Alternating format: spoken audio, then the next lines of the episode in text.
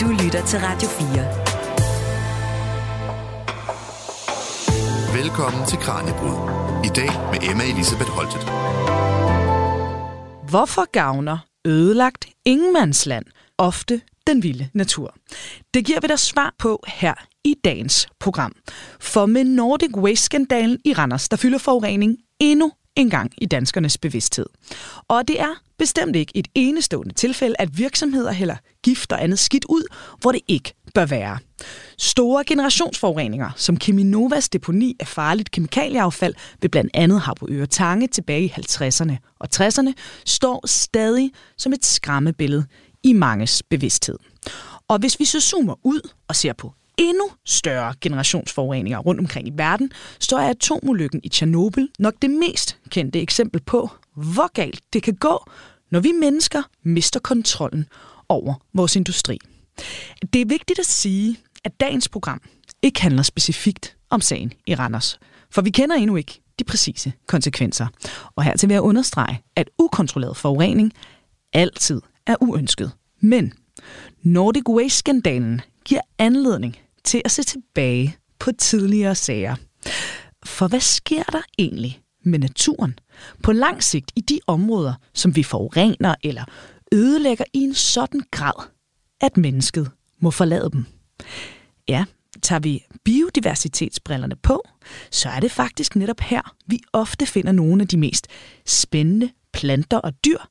Det fortæller dagens studiegæst. Vi dykker derfor nu ned i den danske og globale artsfattighed, når vi undersøger ingenmandslandets potentiale i kampen for en rigere natur. Velkommen her til dagens Kranjebrud. Du lytter til Radio 4. Og nogle af jer, der lytter med, I har måske allerede gættet det. Min gæst i dag, det er Rasmus Ejernes, professor i biodiversitet på Institut for Ecoscience på Aarhus Universitet, og selvfølgelig vært på Vildspor, der også sendes her på kanalen. Rasmus, tak fordi du var med. Tak for invitationen. Og øh, vi kan jo lige lave en lille disclaimer til lytterne. Jeg har jo også været reporter på Vildspor i nogle år. Det er korrekt. Så øh, undervejs, så kan det være, at jeg øh, lige råber højt, når der er begreber og så videre, som jeg tænker, jeg forhåbentlig efterhånden er blevet introduceret til, men som nogle af lytterne måske skal have forklaret. Du er velkommen. Jeg prøver. Øhm, og øh, lad os bare starte med, Rasmus. Hvorfor er det, hvis vi kigger fra biodiversitetsperspektivet, hvorfor er det, der er potentiale i de her områder, som vi mennesker altså simpelthen forurener eller ødelægger i så høj en grad, at de bliver farlige eller måske bare utiltalende for os at opholde os i? Jamen først og fremmest er det, fordi vi har den her biodiversitetskrise, globale biodiversitetskrise, og dens årsag er jo, at vi mennesker har udnyttet naturressourcerne til vores bedste. Så vi er simpelthen vi er kommet ud i naturen, og så har vi opdaget, at der var et eller andet her, vi kunne bruge, og så har vi dyrket det og kultiveret det, og så har vi forsøgt at gøre det på bekostning af alle de andre arter, som vi ikke kan bruge til noget. Mm. Og det er egentlig det, der har skabt biodiversitetskrisen. Så når vi, når vi ligesom fortrækker os, når vi forlader et område, så flytter naturen ind igen. Ja, man tænker jo bare forurening. Det lyder jo som noget, som naturen også vil have ondt af, ikke? Jo, og, og det har den jo også nogle gange, så vi kan jo godt komme med eksempler på menneskeskabt forurening, som øh, som mindsker livsudfoldelsesmulighederne. Mm. Ikke? Altså det mest oplagte er måske næringsstofforurening, for eksempel den i havet, eller hvis vi forurener søer og vandløb. Så der er jo, det er jo et klassisk eksempel på, at så opstår der iltsvind, og så er der virkelig mange arter, mm. der forsvinder.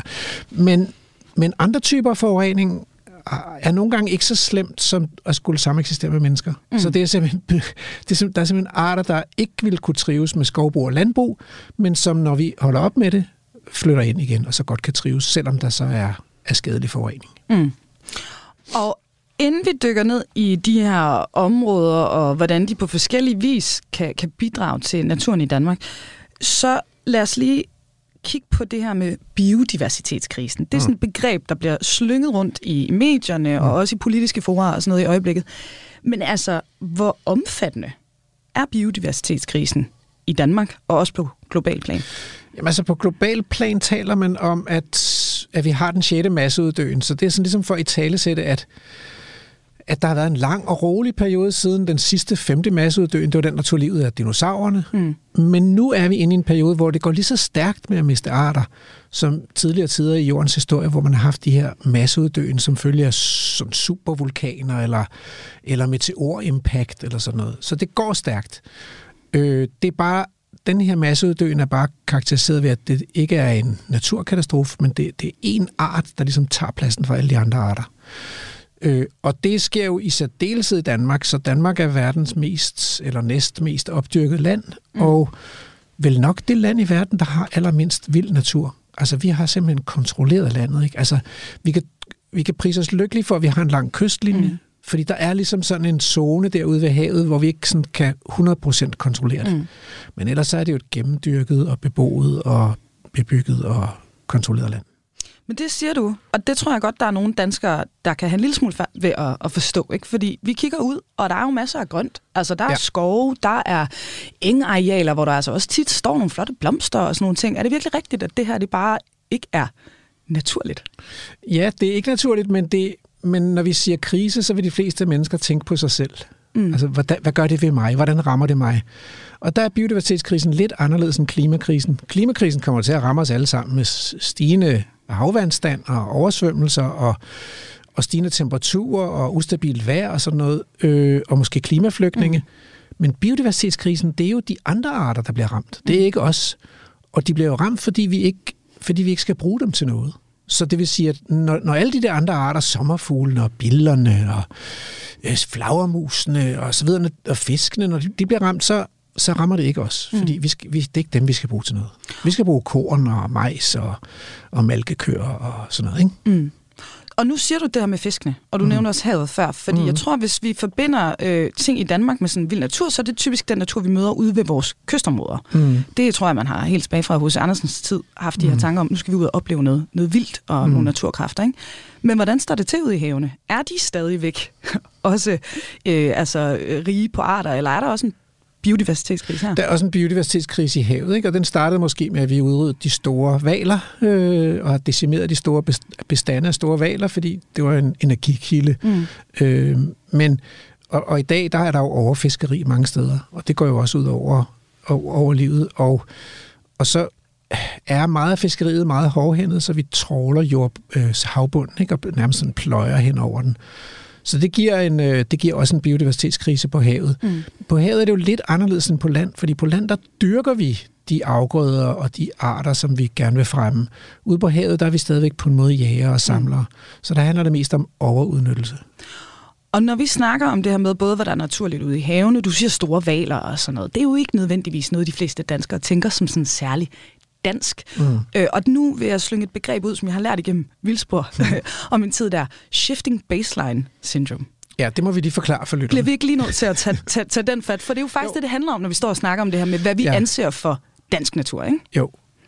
Jo, så shifting baseline syndrome består i, at vi har en forestilling om, at den vilde natur, det er den natur, vi har oplevet i vores levetid. Mm. Øh, for eksempel i vores barndom, eller eventuelt som vores forældre har fortalt os om. Øh, og problemet er, at den her forarmelse af naturen har stået på i tusinder år. Det vil sige, at der er ikke nogen af os, der ligesom har en erindring om, hvordan naturen ville have været, hvis der ikke havde været mennesker, og hvis der ikke havde været en biodiversitetskrise i Danmark. Men der ville have været øhm, øh, meget mere vand, mange, mange flere vådområder, vi har drænet landet, mm. øh, meget vildere kyster, vi har indiget store dele af kysten, meget større dyr, Mm. Der ville have været elefanter og næsehorn og urokser og bison og sådan noget. Ikke? Som, som I dag har vi nogle små hjorte mm. i vores øh, uhegnede mm. landskab. Og, øhm, og så ville der have været jo naturlig vegetation. Der ville ikke have været dyrket afgrøder. Der ville have været skove med træer og buske, men også masser af skovlysninger. Der ville have været store øh, græssede områder ude ved kysterne og i ådalene. Øhm, en masse variation, mm. og ikke så mange kontrollerede små øh, afgrænsede firkanter. Mm. Og vi vender tilbage til det her, fordi vi skal også snakke netop om, hvad det egentlig er, den danske natur har brug for, især hvis vi fremme med biodiversiteten. Men øh, altså, en af de ting, man jo gør lige nu i Danmark, når vi snakker om den her krise, det er jo, at vi har jo sat os for, at vi skal have nogle naturnationalparker. Mm. Før der havde vi nogle nationalparker, nu skal vi have naturnationalparker, for så nu skal naturen netop i højsædet. Mm. Kommer de ikke til at rette op på det her problem? Det, altså jo, altså det, øh, jeg betragter dem som et, mm, et kvantespring i den danske naturforståelse, fordi i Naturnationalparkloven står der jo, at det her skal være områder, hvor vi ikke skal have landbrug og skovbrug og jagt, og hvor der skal være store vilde dyr, som lever deres eget vilde liv inde i de her områder. Men det jo viser, at det er lidt svært at få sat gang i dem, fordi der er en masse, der er en masse modstandere af vild natur. Folk, der sådan bliver bange for at miste deres privilegier til at ride på heste, eller køre på cykel, eller, øh, og som ikke ønsker hegn, og, øh, og som ikke ønsker dyr, der lever vildt. De synes, at man skal passe dyrene, og, og så er områderne endda kun 0,6 procent af Danmarks landareal. Så mm. de vil jo komme til at slå til som skrædder i helvede, når vi taler biodiversitetskrisen. Det er alt for lidt. Øh, så, så på den ene side er jeg begejstret for de her kommende naturnationalparker, øh, hvor naturen skal have første ret. Mm. Og på den anden side, så, så er jeg også sådan lidt øh, pessimistisk. De er for små, og politikerne har sgu ikke rigtig udvist vilje til at få dem gennemført. Mm. Hvem ejer så egentlig naturområderne i, i Danmark? Mm, staten ejer cirka 5% af landarealet, øh, så det er jo private, der ejer langt, langt det meste. Mm. Og apropos private, vi skal jo altså dykke ned i blandt andet, hvad private virksomheder har gjort øh, i øh, den danske natur i form af udslip og andet øh, i øh, generationsforureningsskandalerne. Men inden da, lad os lige tage sådan en, øh, et lidt filosofisk spørgsmål på en eller anden mhm. måde for at forstå det her. Rasmus, hvad sker der egentlig, når en art uddør, eller når mange arter uddør? Det er, jo, det er jo utrolig fredeligt. Altså, det, typisk er det en langstrakt proces. Øh, I starten opdager man måske ikke, at der bare er blevet lidt færre individer af en art. Mm. Og på et tidspunkt for de der individer, der er tilbage, svært ved at finde hinanden og øh, forplante sig med hinanden. Det gør man lidt forskelligt, om man er en plante eller en dyr. Et dyr, og til sidst så er der kun isolerede små bestande af de her arter tilbage. Og på et tidspunkt vil de så, måske nogle gange bare tilfældige årsager, så vil den sidste den sidste, de sidste individer dø ud, mm. og så er deres liv forbi, og der er ikke blevet sat nye afkom i verden. Så meget sådan fredsommeligt, altså sammenlignet med mm, store katastrofer, ikke? altså mm. øh, orkaner eller store vilde brænde eller sådan noget. Det, det er meget fredeligt. Og, og vi har jo allerede mistet mange arter på jorden, og mange arter i Danmark, som ikke er her længere. Og det er jo ikke sådan, at det påvirker vores livsførelse. Altså, og hvis man, hvis man kigger i den danske rødliste, det er sådan en fortegnelse, vi laver på Aarhus Universitet over truede arter i Danmark, så er der jo ikke nogen af de arter, der er truet, hvor man tænker, ah, det vil sgu tro mit levebrød, eller det vil mm. øh, forringe min sundhed, eller forkorte min levealder. Overhovedet ikke. Mm. Altså, de, de, på, den måde, på den måde er de her sjældne arter sådan en slags de er sådan overflødige på en eller anden måde, altså i ordets bedste forstand, mm. ikke? Sådan, men, men du siger det, og jeg synes, når man hører ting, øh, øh, er det jo ofte også den her fortælling om, i sidste ende vil vi også uddø, mm. hvis vi bliver ved med mm. at smadre alt omkring os. Ikke? Vi er en del af et system, og hvis der ikke er nogen bier, så kan vi ikke få bestøvet planterne og alt det her. Altså, den her retorik, vil det sige, at den ikke passer i virkeligheden? Ja, ja, ja. Øh, den opfatter jeg egentlig som et sådan lidt krampagtigt forsøg på at få Finansministeriet i tale. Ikke? Altså, at vi, vi vil gerne have, at politikerne træffer nogle beslutninger om det her, og politikerne de reagerer kun på, hvad der er nødvendigt, mm. og ikke hvad der måske er smukt, eller skønt, eller overflødigt. Mm. Så for at få dem i tale, så opfinder man så det her det her narrativ om, at det er sådan lidt dommedagsagtigt, og økosystemerne kollapser og sådan noget. Men prøv at se på Danmark. For det første ligger vi nordpå på jordkloden, så vi har ikke så meget biodiversitet sammenlignet med, med troperne. Mm. For det andet, så er vi det mest opdyrkede land i verden med mindst vild natur. Det går fint alligevel. Altså, træerne gror ud i skovene, ja. afgrøderne gror på markerne. Hvad fanden er problemet altså? Okay, men så vil jeg jo gerne spørge, hvorfor skal vi så prioritere biodiversitet, hvis vi lever så fint i et artsfattigt samfund? Det er jo fordi biodiversiteten spejler på en måde vores eget liv, så vi er jo også overflødige. Så hvis du og jeg ikke var her i morgen, så fandt de nogle andre til at arbejde på videnslyder mm. til at mm. producere det her radioprogram. Ikke? Så det er i virkeligheden sådan et eksistentielt grundvilkår for alt liv, at det er overflødigt. Mm-hmm. Så, så hvis vi sådan skal give os selv, selv lov til at være her, så er det måske en god idé at give livet generel eksistensberettigelse, og så, og så nyde, at livet er jo vildt kreativt, og det er et totalt mirakel, forunderligt mirakel, at livet folder sig ud på den her klode, i modsætning til resten af universet, hvor der er helt dødt. Øh, og det skal vi på en eller anden måde værne om og tage vare på. Det er det bedste argument, jeg har. Og med det, så hopper vi videre til næste afsnit her i dagens program, for nu er det tid til at dykke ned i nogle af de eksempler, vi har her i Danmark, og også i det store udland på de her områder, som vi altså har forladt og som er blevet til det her ingenmandsland. Enten fordi vi har forurenet eller ødelagt, eller simpelthen glemt, at de eksisterer.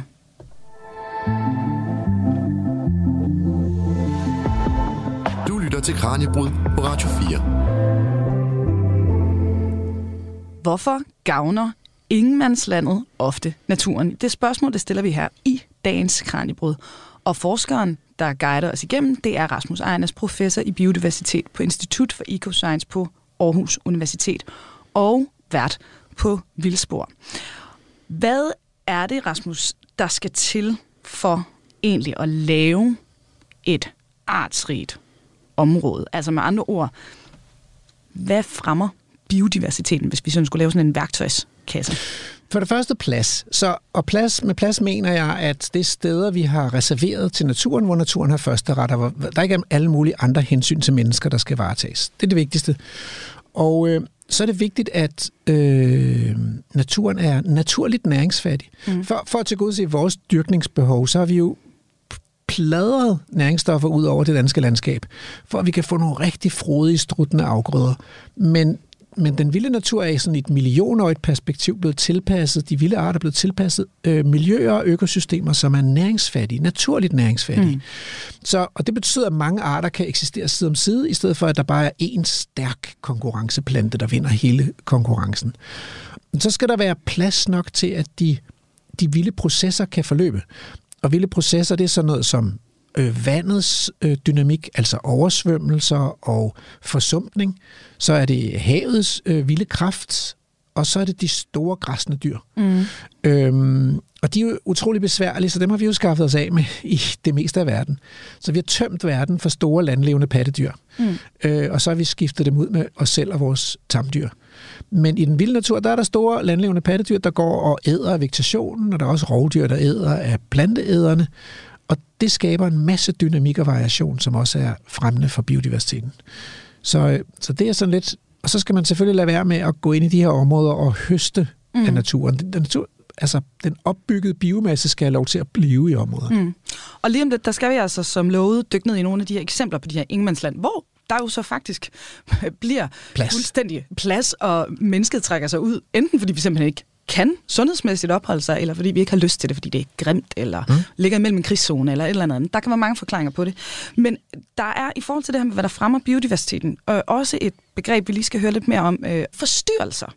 Er det også en fed ting? Vil du ikke lige prøve at forklare, hvorfor er det her med sådan disruption på en eller anden måde i naturen, det gør noget godt?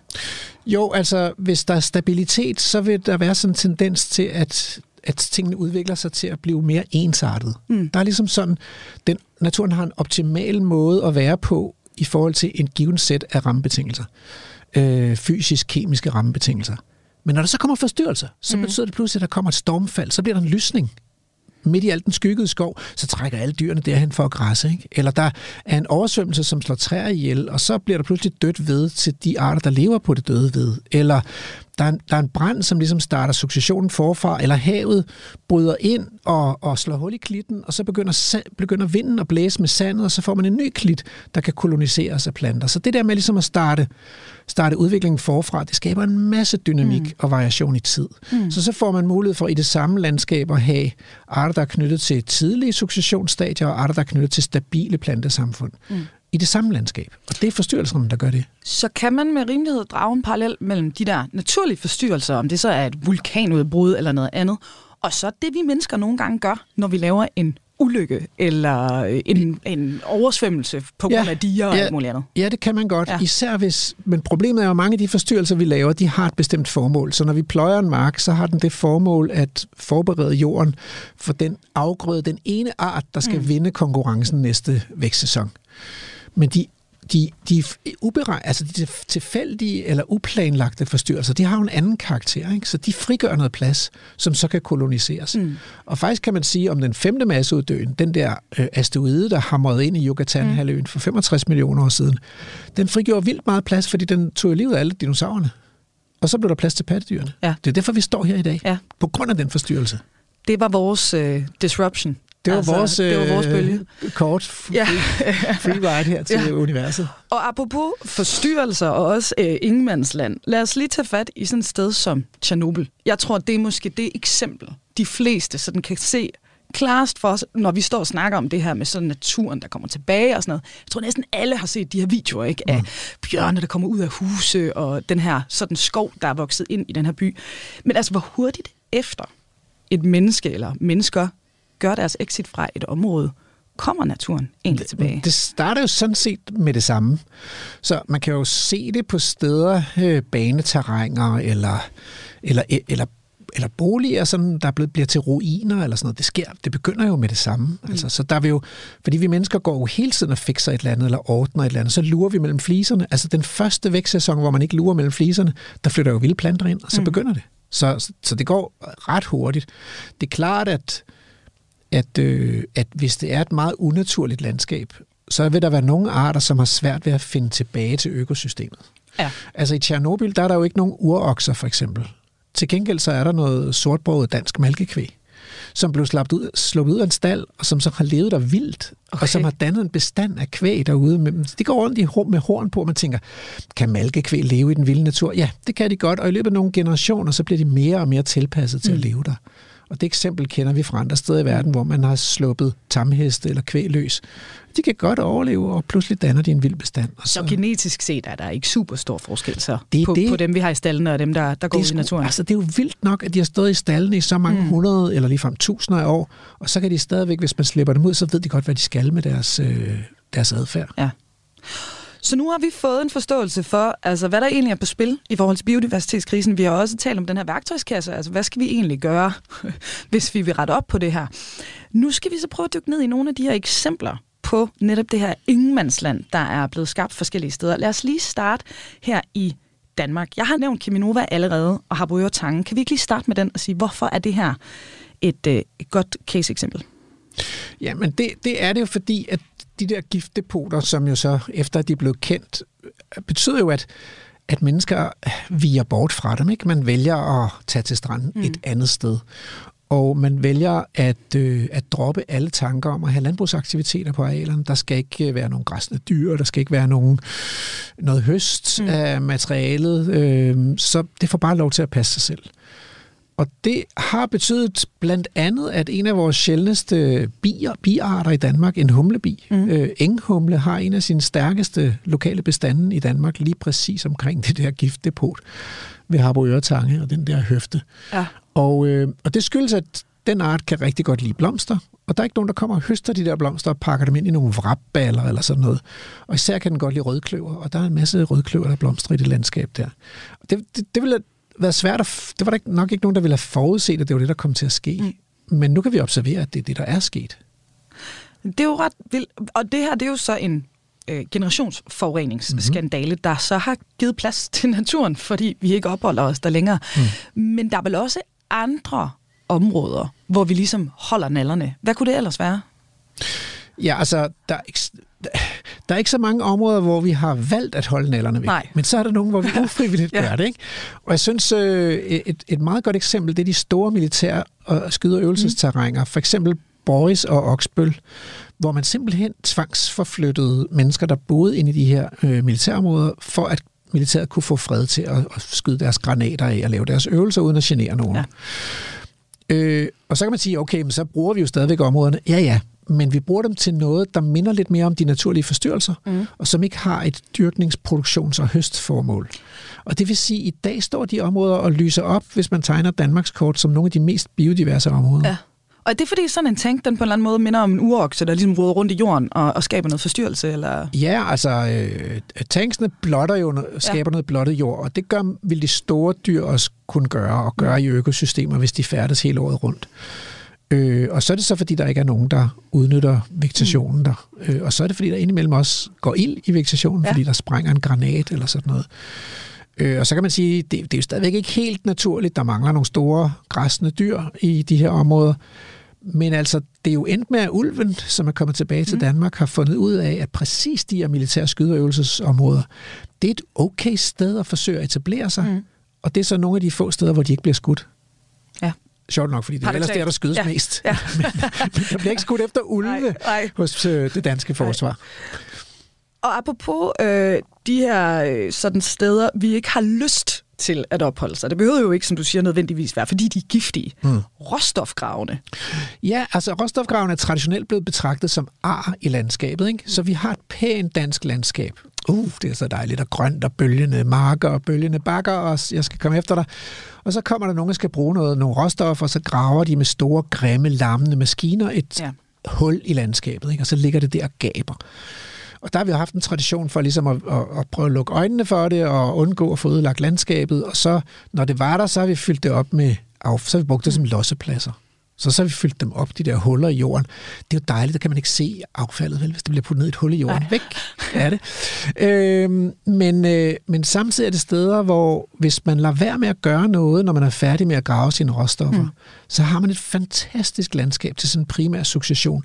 Varmt, mange forskellige hældninger og orienteringer. Der er ofte rent grundvand nede i bunden af den her råstofgrav.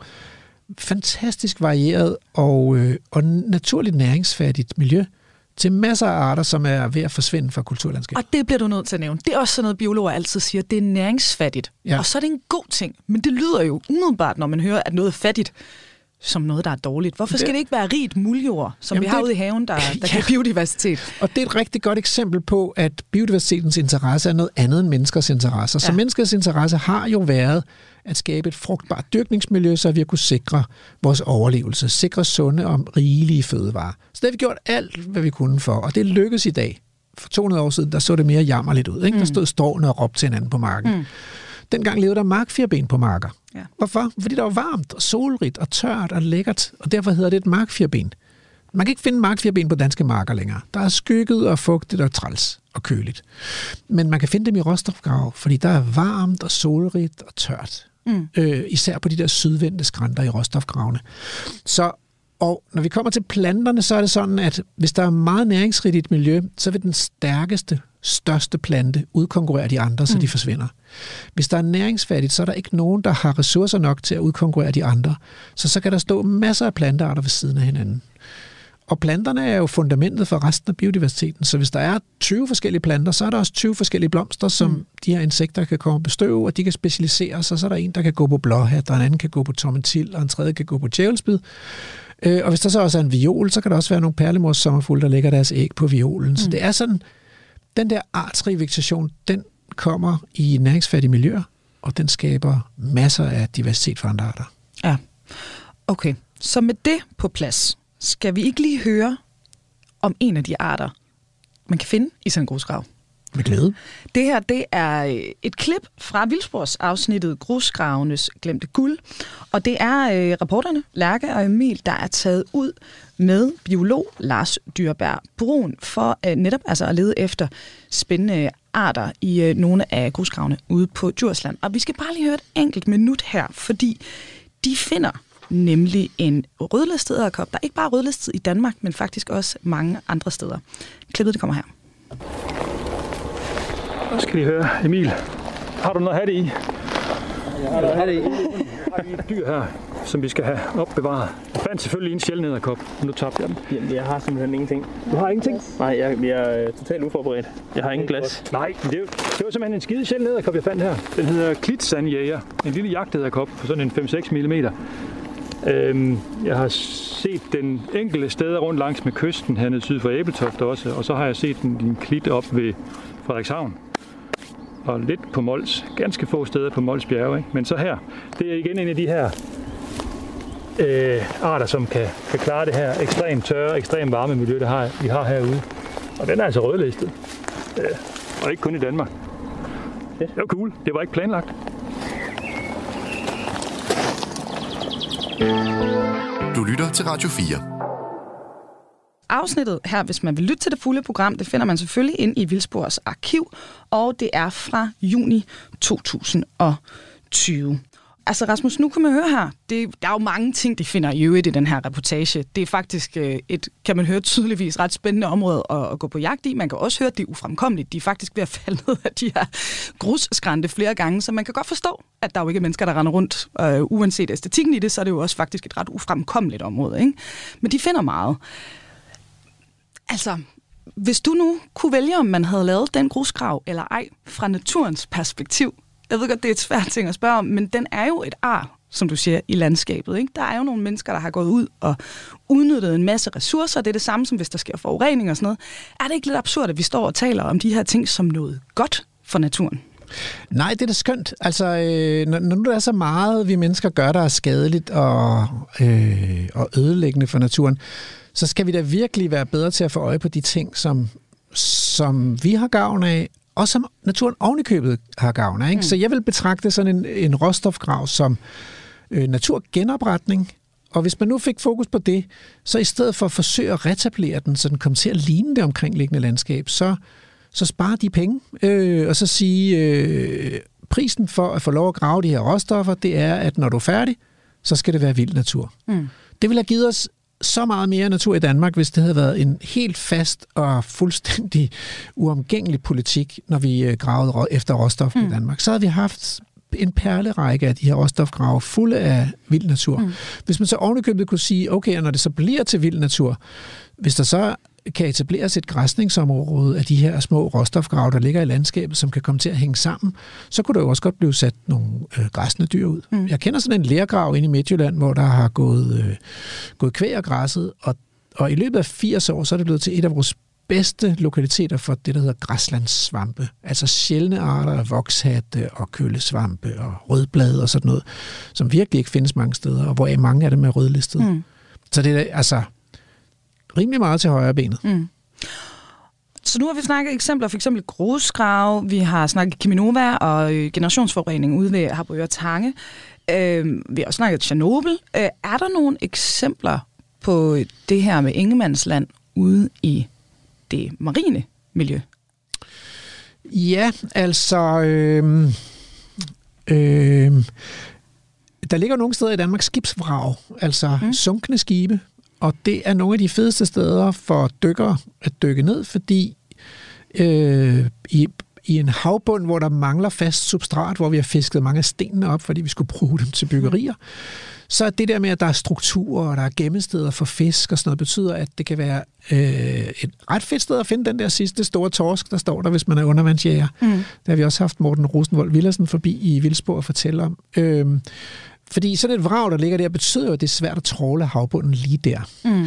Men man kan også godt nævne nogle af vindmølleparkerne, hvor vi sætter vindmøller op, og så betyder det, at man ikke lige kan sejle forbi, eller, eller øh, øh, sejle forbi og fiske med trål lige omkring de her vindmølleparker. Så der bliver sådan en eksklusionszone. Og det betyder både, at de her betonfundamenter, det er fast substrat, hvor muslingerne kan sætte sig fast, når du der mangler sten. Øh, og så pludselig så bliver der en ny menneskeskabt biotop. Mm. Og så bliver der lidt fred for det der meget skadelige trålfiskeri. Mm. Og risikerer vi ikke, nu snakker du skibsfrag, som kunne lægge noget uheldigt ud i mm. øh, havmiljøet. Det kunne også være generationsforureninger til, til lands, ikke? som f.eks. Kiminova, hvor der er gift og kemikalier, mm. der, der kommer ud er der aldrig nogen af dyrearterne, der ligesom også får langvarige øh, altså forstyrrelser, sygdomme øh, af, af de her udslip? Jo, og der er jo også nogen, der har studeret mutationer hos de dyr, der er omkring Tjernobyl, som ja. følger radioaktiviteten, og de findes. Man må nok bare konstatere, ikke, at det ser ud til, at for vilde arter i vores verden, så er de ikke så presset af risikoen for, at de dør eller bliver syge det, de er presset af, det er, at deres levemuligheder forsvinder. Mm. Så vi skal nok, hvis vi skal redde biodiversitetskrisen, eller ændre biodiversitetskrisen, så skal vi flytte fokus fra risikoen for, at et individ bliver slået ihjel af sprøjtegifte eller giftstoffer i det hele mm. taget, eller forurening, og så over til, er der overhovedet en livsmulighed, et livspotentiale for den her art? Er der noget, den kan leve af? Er der sted, den kan få lov til at græsse? Er der, er der de planter, den skal bruge i sin livscyklus? Det er det, vi skal fokusere på. Mm. Og nu har vi øh, talt om de menneskeskabte eksempler primært. Vi nævnte det kort øh, tidligere i programmet, men lad os lige dykke endnu længere ned i sådan eksempler på, hvor naturen selv går ind og laver de her nulstillinger i nogle områder. Meteoren, som du siger, altså dinosaurerne blev udryddet. Den store nulstiller. Den helt store nulstiller. Men er der nogen i nyere tid, vi, vi kan pege på sådan i vores nærområde? Ja, altså vi har jo haft nogle storme og orkaner som har lagt, øh, lagt nogle plantager ned og skabt mm. en masse dødt ved. Og rundt omkring ligger der områder, der, hvor der ikke er blevet ryddet op. og hvor man kan se ligesom øh, resterne af en stor orkan på Bornholm, eller i Lindet skov i Sønderjylland, mm. eller andre steder. Så det, det tænker jeg er et meget godt eksempel.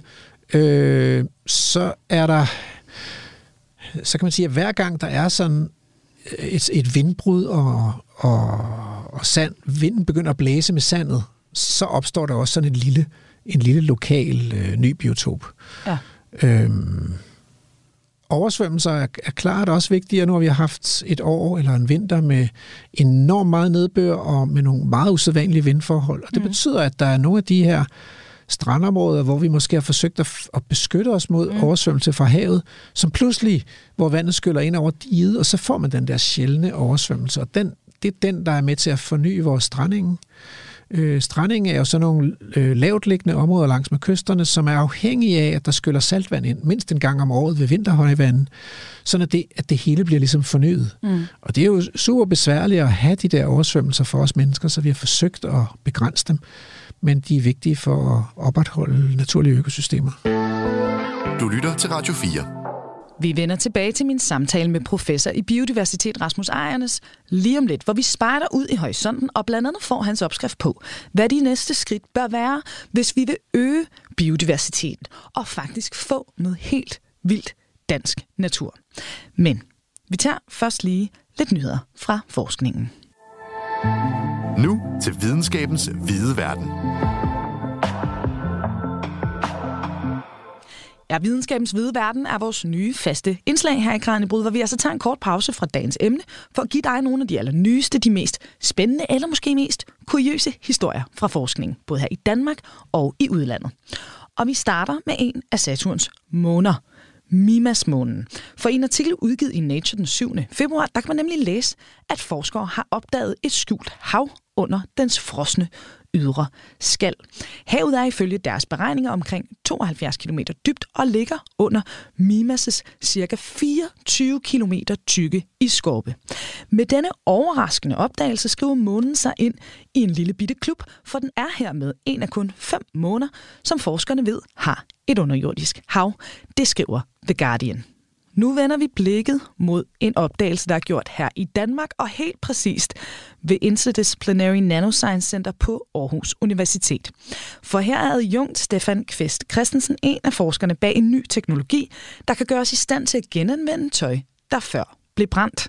Og det er altså særligt væsentligt i det, vi i dag kun genanvender ca. 6% af det tøj, vi smider ud i de danske husholdninger. Han udtaler, vi har udviklet en metode til at fjerne elastan helt fra nylon. Med bomuld er vi ikke helt i mål endnu, for en del af bomuldsfibrene bliver nedbrudt i processen. Vi tror dog, vi kan skrue lidt på nogle knapper og løse det problem. Vi får med andre ord adskilt materialerne, og det betyder, at vi i fremtiden vil kunne genanvende langt flere af vores tekstiler, fortæller altså adjunkt Stefan Kvist Christensen i en artikel på Aarhus Universitets egen hjemmeside. Og Stefan kommer faktisk ind her i studiet for at udfolde den her nye opdagelse og dens mulighedsrum om et par uger, så hold øje. Vi nørder om ikke så længe endnu mere ned i deres nye teknologi. Nu skal vi tilbage til min samtale i studiet med Rasmus Ejernes, der altså er professor i biodiversitet ved Institut for Ecoscience på Aarhus Universitet og selvfølgelig vært på naturprogrammet Vildspor, der også sendes her på kanalen. Du lytter til Kranjebrud på Radio 4 generationsforurening, råstofgrave eller militære områder. Vi mennesker vi udnytter ofte naturen så meget, som vi overhovedet kan. Men nogle gange så ødelægger, gemmer eller glemmer vi simpelthen de her områder i en sådan grad, at vi ikke har lyst til at være der, og de får lov til at være i fred. Det her med at blive fri for os mennesker, det er altså noget, naturen, som vi hører, er rigtig glad for, og derfor stiller vi lige nu skarpt på ingenmandslandets biodiversitetspotentiale her i dagens program, og det gør vi helt fra Tjernobyl til de danske grusgrave. Rasmus, vi skal kigge sådan fremad nu. Og det ved jeg godt, det er jo altid træls at bede folk om at prøve at forudsige fremtiden. Især forskere, de er ikke super glade for. Men jeg vil gerne spørge alligevel, er der nogen sådan forladte eller generationsforurenede områder i Danmark, som du er særligt spændt på at holde øje med, som måske kan indeholde noget mega fed natur i fremtiden? Oh, det, er et meget godt, øh, det er et meget godt spørgsmål. Øh, Altså, vi er jo blevet bedre og bedre til at hånd- håndtere de her, øh, de her skadelige, altså de, de her miljøskadelige områder. Så jeg synes stadigvæk, de, de bedste, det er, og de her forureninger, de bedste mm. områder, det er stadigvæk de militære skyde- og Mm. vil jeg sige. Og så, og så nogle af de her øh, råstofgraver, som er blevet forladt og glemt. Øh, så, så er der jo også andre områder, der bliver, for, der bliver glemt, fordi man er doven, eller ikke orker, eller Hvad kan det synes, være for nogen? Øhm, Det er sådan nogle småskove, mm. som, som, hvor der er nogen, der har købt et, et landområde eller et hus på landet, men der hører en lille skov til, eller der har altid hørt en lille skov til gården, og den skov har været delt imellem fire ejere. Mm. Og man kan ikke ligesom blive enige om, hvad der skal ske med den, så den får bare lov til at blive liggende. Øh, og, og det bliver jo til nogle ret fine områder, som i realiteten bliver urørt skov, uden at nogen har besluttet, at det skal være urørt skov, mm. men bare sådan ved et tilfælde. Ikke? Så det er sådan nogle områder, hvor man som biolog bliver lidt begejstret, når man opdager dem, fordi de kan godt være så glemt, at der ikke er nogen, der har fået dem på landkortet. Mm. Øh, og så kan man pludselig gå ind og finde arter, som man ikke troede, man skulle finde der, mm. øh, som kan gøre en glædelig overrasket. Så det er nok, det er også det, jeg oplever i mit eget lokalsamfund, det er omkring øh, Hjortshøj, når jeg går en tur der, at øh, når jeg finder en virkelig sjælden art, så tænker jeg, at den står bare her, fordi mm. at den er blevet glemt, og mm. dens levested er blevet glemt, og der er ikke nogen, der ligesom, det er ligesom blevet lidt til overs, det her område. Mm. Og jeg vil gerne dykke ned i uh, James Lovelocks tanker nu. Mm. Fordi det er noget, du også nævner tit. Han har lavet noget, der hedder Gaia-hypotesen. Vil du ikke lige først forklare, hvad den går ud på?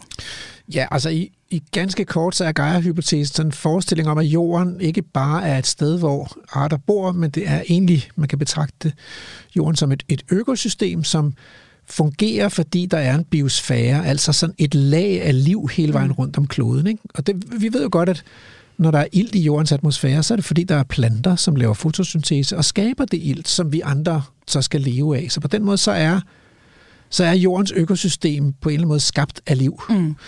Øh, Så det der med at forestille sig, at jorden er et, et levende, en levende, næsten en levende organisme eller sådan noget. Så det var, det var Gaia-hypotesen. Det er Gaia-hypotesen. Og han taler jo så også om nærmest faktisk ideen om at lave, med vilje lave, generationsforurening. Altså at drysse lidt atomaffald ud, der hvor der er den fedeste natur, for at være sikker på, at vi mennesker, vi lader den være. Og det er sådan lidt, hvor Gaia-hypotesen, det er sådan et meget smukt billede, og den kunne godt Ja. lægge op til, at vi skal passe på, at vi ikke ødelægger det her fine, sanselige system. Så blev han sådan lidt mere desillusioneret på sine gamle dage, ikke? Mm. Og, øh, fordi jeg tror, han har set det samme, som vi biologer har set, at vi mennesker har bare så svært ved at pille nallerne. Ja. Altså, vi har så svært ved at lade være med. Der er lige den sidste urskov der i Kongo, men der står også bare nogle virkelig fede træer, der vil se godt ud øh, som terrasse øh, omkring domicilet derhjemme i Danmark, mm. ikke? Og bum, så er de fældet. Og så, så han foreslog, at noget af det eneste, der ser ud til at virke, det er lavradioaktivt affald, mm. som så holder mennesker sig væk. Og det kan naturen godt tåle. Ja. Men det er jo fandme også sådan lidt en falit erklæring, hvis det er det, der skal til. Ja, og det virker jo også, tænker jeg, på de fleste, det virker i hvert fald på mig ret provokerende, når man netop ser de her forureningsskandaler. Ikke? Der er virkelig meget ulykke øh, forbundet med dem. Det er ikke særlig mm. rart, kan man sige, som mm. mennesker at se på, når vi kommer til at lave de her øh, kæmpe ulykker ude i øh, vores land. Ikke? Men altså, har han en pointe i, at vi ikke kan finde ud af at, at holde os væk, hvis man ikke på en eller anden måde tvinger os ud? Altså, Ja. Ja. Ja. der er en kæmpe pointe i. Ja. Så, så, det, så, så noget af det, vi har været aller dårligst til i verden, men også i, i Danmark, det er ligesom at beslutte os for, at der er nogle områder, hvor naturen får første ret. Mm. Og der er jo bestræbelser, både i FN og i EU, på at sige, nu skal, nu skal vi ligesom sætte et globalt mål sammen om, at naturen skal have 30 procent af landarealet. Der er også nogen, der siger, at det skal være half earth. Vi mennesker kan godt klare os med halvdelen af jorden, og så skal den anden halvdel af jorden gå til de andre arter. Mm. Og man kan sige, at der er også en tendens til, at når vi så prøver at gøre det, så ender det med, at de andre arter, de, får, de kan få Grønland. Nu, altså, de kan få Nordøstgrønland, for der bor ingen mennesker. Så der er rigtig dejligt meget plads deroppe. Mm. Men det kan biodiversiteten jo ikke nøjes med. Den skal også have nogle af de der frodige områder, hvor mennesker har, be, har bosat sig. Ellers mm. så øh, mister vi den jo. Og det er så der, hvor det er svært. Og i Danmark, der er det også svært, fordi der er ikke så mange områder, hvor, hvor der ikke er nogen, der er vant til, at her plejer vi at gå tur, mm. eller her lufter vi hunden, eller her øh, rider vi på vores mountainbike, eller sådan noget, ikke? Altså, eller vores hest. Og, og så bliver der ballade, hvis man forsøger så at sige, her skal naturen have første ret. Ja. Og du har jo allerede sagt, vi dør ikke af, at arterne de Uddør. forsvinder. Nej. Nej, det er ikke for at redde vores egen røv, det her. Vi er blevet rigtig rige på det jo i Ja. Danmark, ikke? Jo. Og samtidig, så virker det lidt som om, det er også rige lande, der netop har udnyttet alt, der virkelig har svært ved at give plads til, til den her vilde natur. Ikke? Men vi kan vel egentlig ikke rigtig forvente, at andre fattigere nationer gør det. Nej, der er også sådan en moralsk ting med, at hvis vi synes, det er da meget fedt, at vi har nogle tiger og nogle elefanter og Ja. nogle løver, ikke? Præcis. så forventer vi så, at mennesker, der har sværere end os ved at beskytte sig mod de der store Ja. dyr, at de skal give plads til, at de kan være imellem dem, ikke? og undgå at og lade være med at skyde dem, når de lige tager livet af et menneske, eller ødelægger nogle afgrøder. Ja. Øh, så der er også en moralsk forpligtelse til at sige, hvis, hvis vi vil have en, en levende planet med en rig natur, så skal vi også yde vores bidrag. Mm. Og hvad tænker du i forhold til det? Vi ser jo netop udviklingslandene, de udvikler sig jo. De, de, de prøver jo sådan set at lave den samme form for industri, som vi har i, øh, i de rigere dele i verden, og det virker jo fuldstændig færdigt. Hvordan tænker du i forhold til biodiversiteten? Altså, der er jo jo heller ikke tegn på, at vi kommer til at op vores game af den grund. Nej, så, Nej. Så, øh, så det gælder jo for i Afrika, ligesom i Danmark, at det handler om at reservere noget areal til ja. den vilde natur. Og, og man kan sige, ligesom med klimakrisen, hvor det er os, der har den største del af ansvaret for klimakrisen, så kunne man også sige med biodiversitetskrisen, at vi skal også være med til at løfte beskyttelsen af Serengeti og, og Masai Mara og nogle af de der enestående økosystemer, mm. eller Amazonas. Øh, det kan vi ikke den byrde kan vi ikke alene pålægge på de lande, der så ikke har nået at ødelægge deres natur nu. Så når nu ikke vi kan passe på vores, så må vi betale nogen for at passe på deres? Er det det, du siger? Ja, det siger jeg, men jeg, Ja. siger, men jeg vil nu samtidig sige, at selvom det er en lidt jammerlig natur, vi har i Danmark, så er der enormt meget håb og, øhm, og sådan, altså, der er meget håb og positiv udvikling i at passe på den, fordi naturen netop kommer tilbage, mm. og det går forholdsvis hurtigt. Og det kan godt være ret øh, kedeligt negativt perspektiv kun at skulle øh, redde ting, og mm. kun at skulle øh, forhindre kriser. Så det der med at give plads til, at vild natur kan folde sig ud her hos os. Ja, og i forhold til, hvordan den vilde natur kan folde sig ud hos os, hvis vi kigger på biodiversiteten specifikt, hvad er det vigtigste, som I forskere her i Danmark skal til at undersøge eller monitorere i de kommende år? Øh, jamen, vi skal jo, øh, vi har lavet et overvågningsprogram for Statens Urørte Skove og for Statens Naturnationalparker, med henblik på at få samlet data ind på, hvordan det vil gå. Og der er en del private og også fonde, som har lagt øh, områder ud til øh, en vildere naturforvaltning. Og det er klart, der foregår også overvågning, og det bliver mm. ekstremt spændende, fordi vi lider jo også shifting baseline syndrome. Mm. Vi har jo ikke noget, selvom vi har kigget i, i gamle pollenlag og sådan noget, vi har ikke noget præcist billede af, hvordan vilde danske økosystemer vil komme mm. til at se ud. Så det bliver jo rasende spændende i de næste 10-20 år at følge med i, hvordan det kommer til at udvikle sig. I virkeligheden i de næste 100-200 år, det bliver så ikke mig. Mm. Men apropos områder, man kan se, hvordan udvikler sig i løbet af, af vores levetid. Øh, altså, nu har vi jo i indledningen været inde på Nordic Waste. Det er jo ligesom i den anledning, at vi kigger tilbage på de andre generationsforureningsskandaler. Ikke? Hvad er du mest spændt på? Vi kender jo ikke konsekvenserne af, af, af det, der er sket i Randers endnu. Men hvad er du mest som biolog spændt på at se i den nærmeste fremtid i forhold til udviklingen af, af den her sag? Jamen, jeg kender ikke alle detaljerne, så det, det interessante og det afgørende for naturen vil være, bliver der frigjort noget plads. Mm. Så hvis de nu bare skraber det der jord af, og så går i gang med at bruge området til et eller andet andet formål, losseplads eller et eller andet, så, så kommer der ikke til at ske så meget. Men hvis man nu beslutter sig for, at, at det her område, der er jordbunden så ustabil, at vi kan ikke bruge det til at deponere noget, mm. fordi det er alt for ustabilt, og man så beslutter sig for at lægge det ud til vild natur, øh, så kan det jo blive interessant. Øh, Og så kan det jo være et eksempel på, at en miljøkatastrofe har udviklet sig til et område, hvor naturen kan få mere fri plads. Og hvis vi så kigger på hele Danmark, hvis du skulle lave en opskrift på, hvordan vi skaber det her artsrige Danmark, og du ikke skulle tænke i politik og brugerprotester, som vi har været inde på, der jo blandt andet er, når vi dykker ned i naturnationalparkernes muligheder. Ikke? Hvis vi bare har sådan en ren biodiversitetshensyn, mm. hvad skal vi så gøre for den danske natur? Så skulle vi øh, tage det der EU-mål om 30% beskyttet natur, og så sige, det kan vi selvfølgelig også godt gøre i Danmark. Det vil kræve en investering, men der, der er rigtig mange penge, hvis man ser på pensionskasserne, de store fonde, de store virksomheder. Og jeg tror godt, man kunne få dem til at investere i det her projekt. Ja. Og vi har tegnet sådan et Danmarks kort på Aarhus Universitet. Vi har sat os ned og så sagt, hvis vi skal have 30% beskyttet natur, hvor skulle man så lægge den, hvis det skulle gavne biodiversiteten allermest? Så, så der er egentlig et kort, man kunne tage udgangspunkt mm. i. Men det betyder selvfølgelig, at der er jo nogen, der skal have erstatning, nogle private jordejere, som ejer arealerne i dag, som skal have erstatning, hvis ikke de kan tjene penge på at høste landbrugsstøtte og producere på de her arealer, ikke? eller Mm. fælde træerne på arealerne. Så, så, så, der, så det vil være forbundet med en omkostning mm. at gøre det. Måske 100 milliarder eller 100 milliarder eller sådan noget. Men jeg har faktisk hørt en reaktion fra nogle af de rigtig rige danske virksomheder, mm. som i dag skal til at i gang med at, at løfte deres biodiversitetsansvar. Hvor reaktionen var, nå ikke mere, det kan vi jo bare gøre. Okay, det lyder jo spændende, hvis det er den her, de er på. Ja, okay, jamen, og der er vel også en tendens, der er jo også rigmænd, lad os sige det på den her måde, rundt omkring i Danmark, der har private områder, og som faktisk altså, siger, her har naturen første prioritet. Der er vel en bevægelse i gang på en eller anden ja, måde og med det, det, kan her, faktisk, ikke? altså det kan faktisk ende med i den meget paradoxale situation, at fra at være et land, der ingen vild natur har, så kan vi blive et land, hvor der er konkurrence om at få lavet naturprojekter på de bedste områder, fordi så mange gode områder er der heller ikke. Mm. Så det kan ende med, at der ligesom bliver kamp om, ej, jeg vil have den der, fordi der er hedepletvinge. Ja, Det kunne være fedt. det kunne være sindssygt fedt. Det må fremtiden vise. Opskriften på vild natur er i hvert fald hermed givet videre, og det bliver ordene i dagens Kranjebrud. Rasmus Ejernes, professor i biodiversitet ved Institut for Ecoscience på Aarhus Universitet, og altså vært på Vildspor her på Radio 4. Tusind tak, fordi du var med. Det var en fornøjelse. Og øh, til dig, der lytter med, vi sender alle hverdage kl. 12.10 her på kanalen, så hvis du har et spørgsmål eller et tema, vi skal tage op med forskerne og andre eksperter her i studiet, så skriver du bare en mail til os, og det er på kranjebrud radio4.dk. Det er altså ikke første og forhåbentlig heller ikke sidste gang, at vi har professor Rasmus Ejernes med her i studiet. Det gjorde vi også tilbage i november måned. Her handlede det om død og lidelse i naturen, så den og de mere end 1000 andre afsnit, vi har lavet gennem årene, finder du altså i vores Kranjebrud programarkiv i din Radio 4-app eller på vores hjemmeside.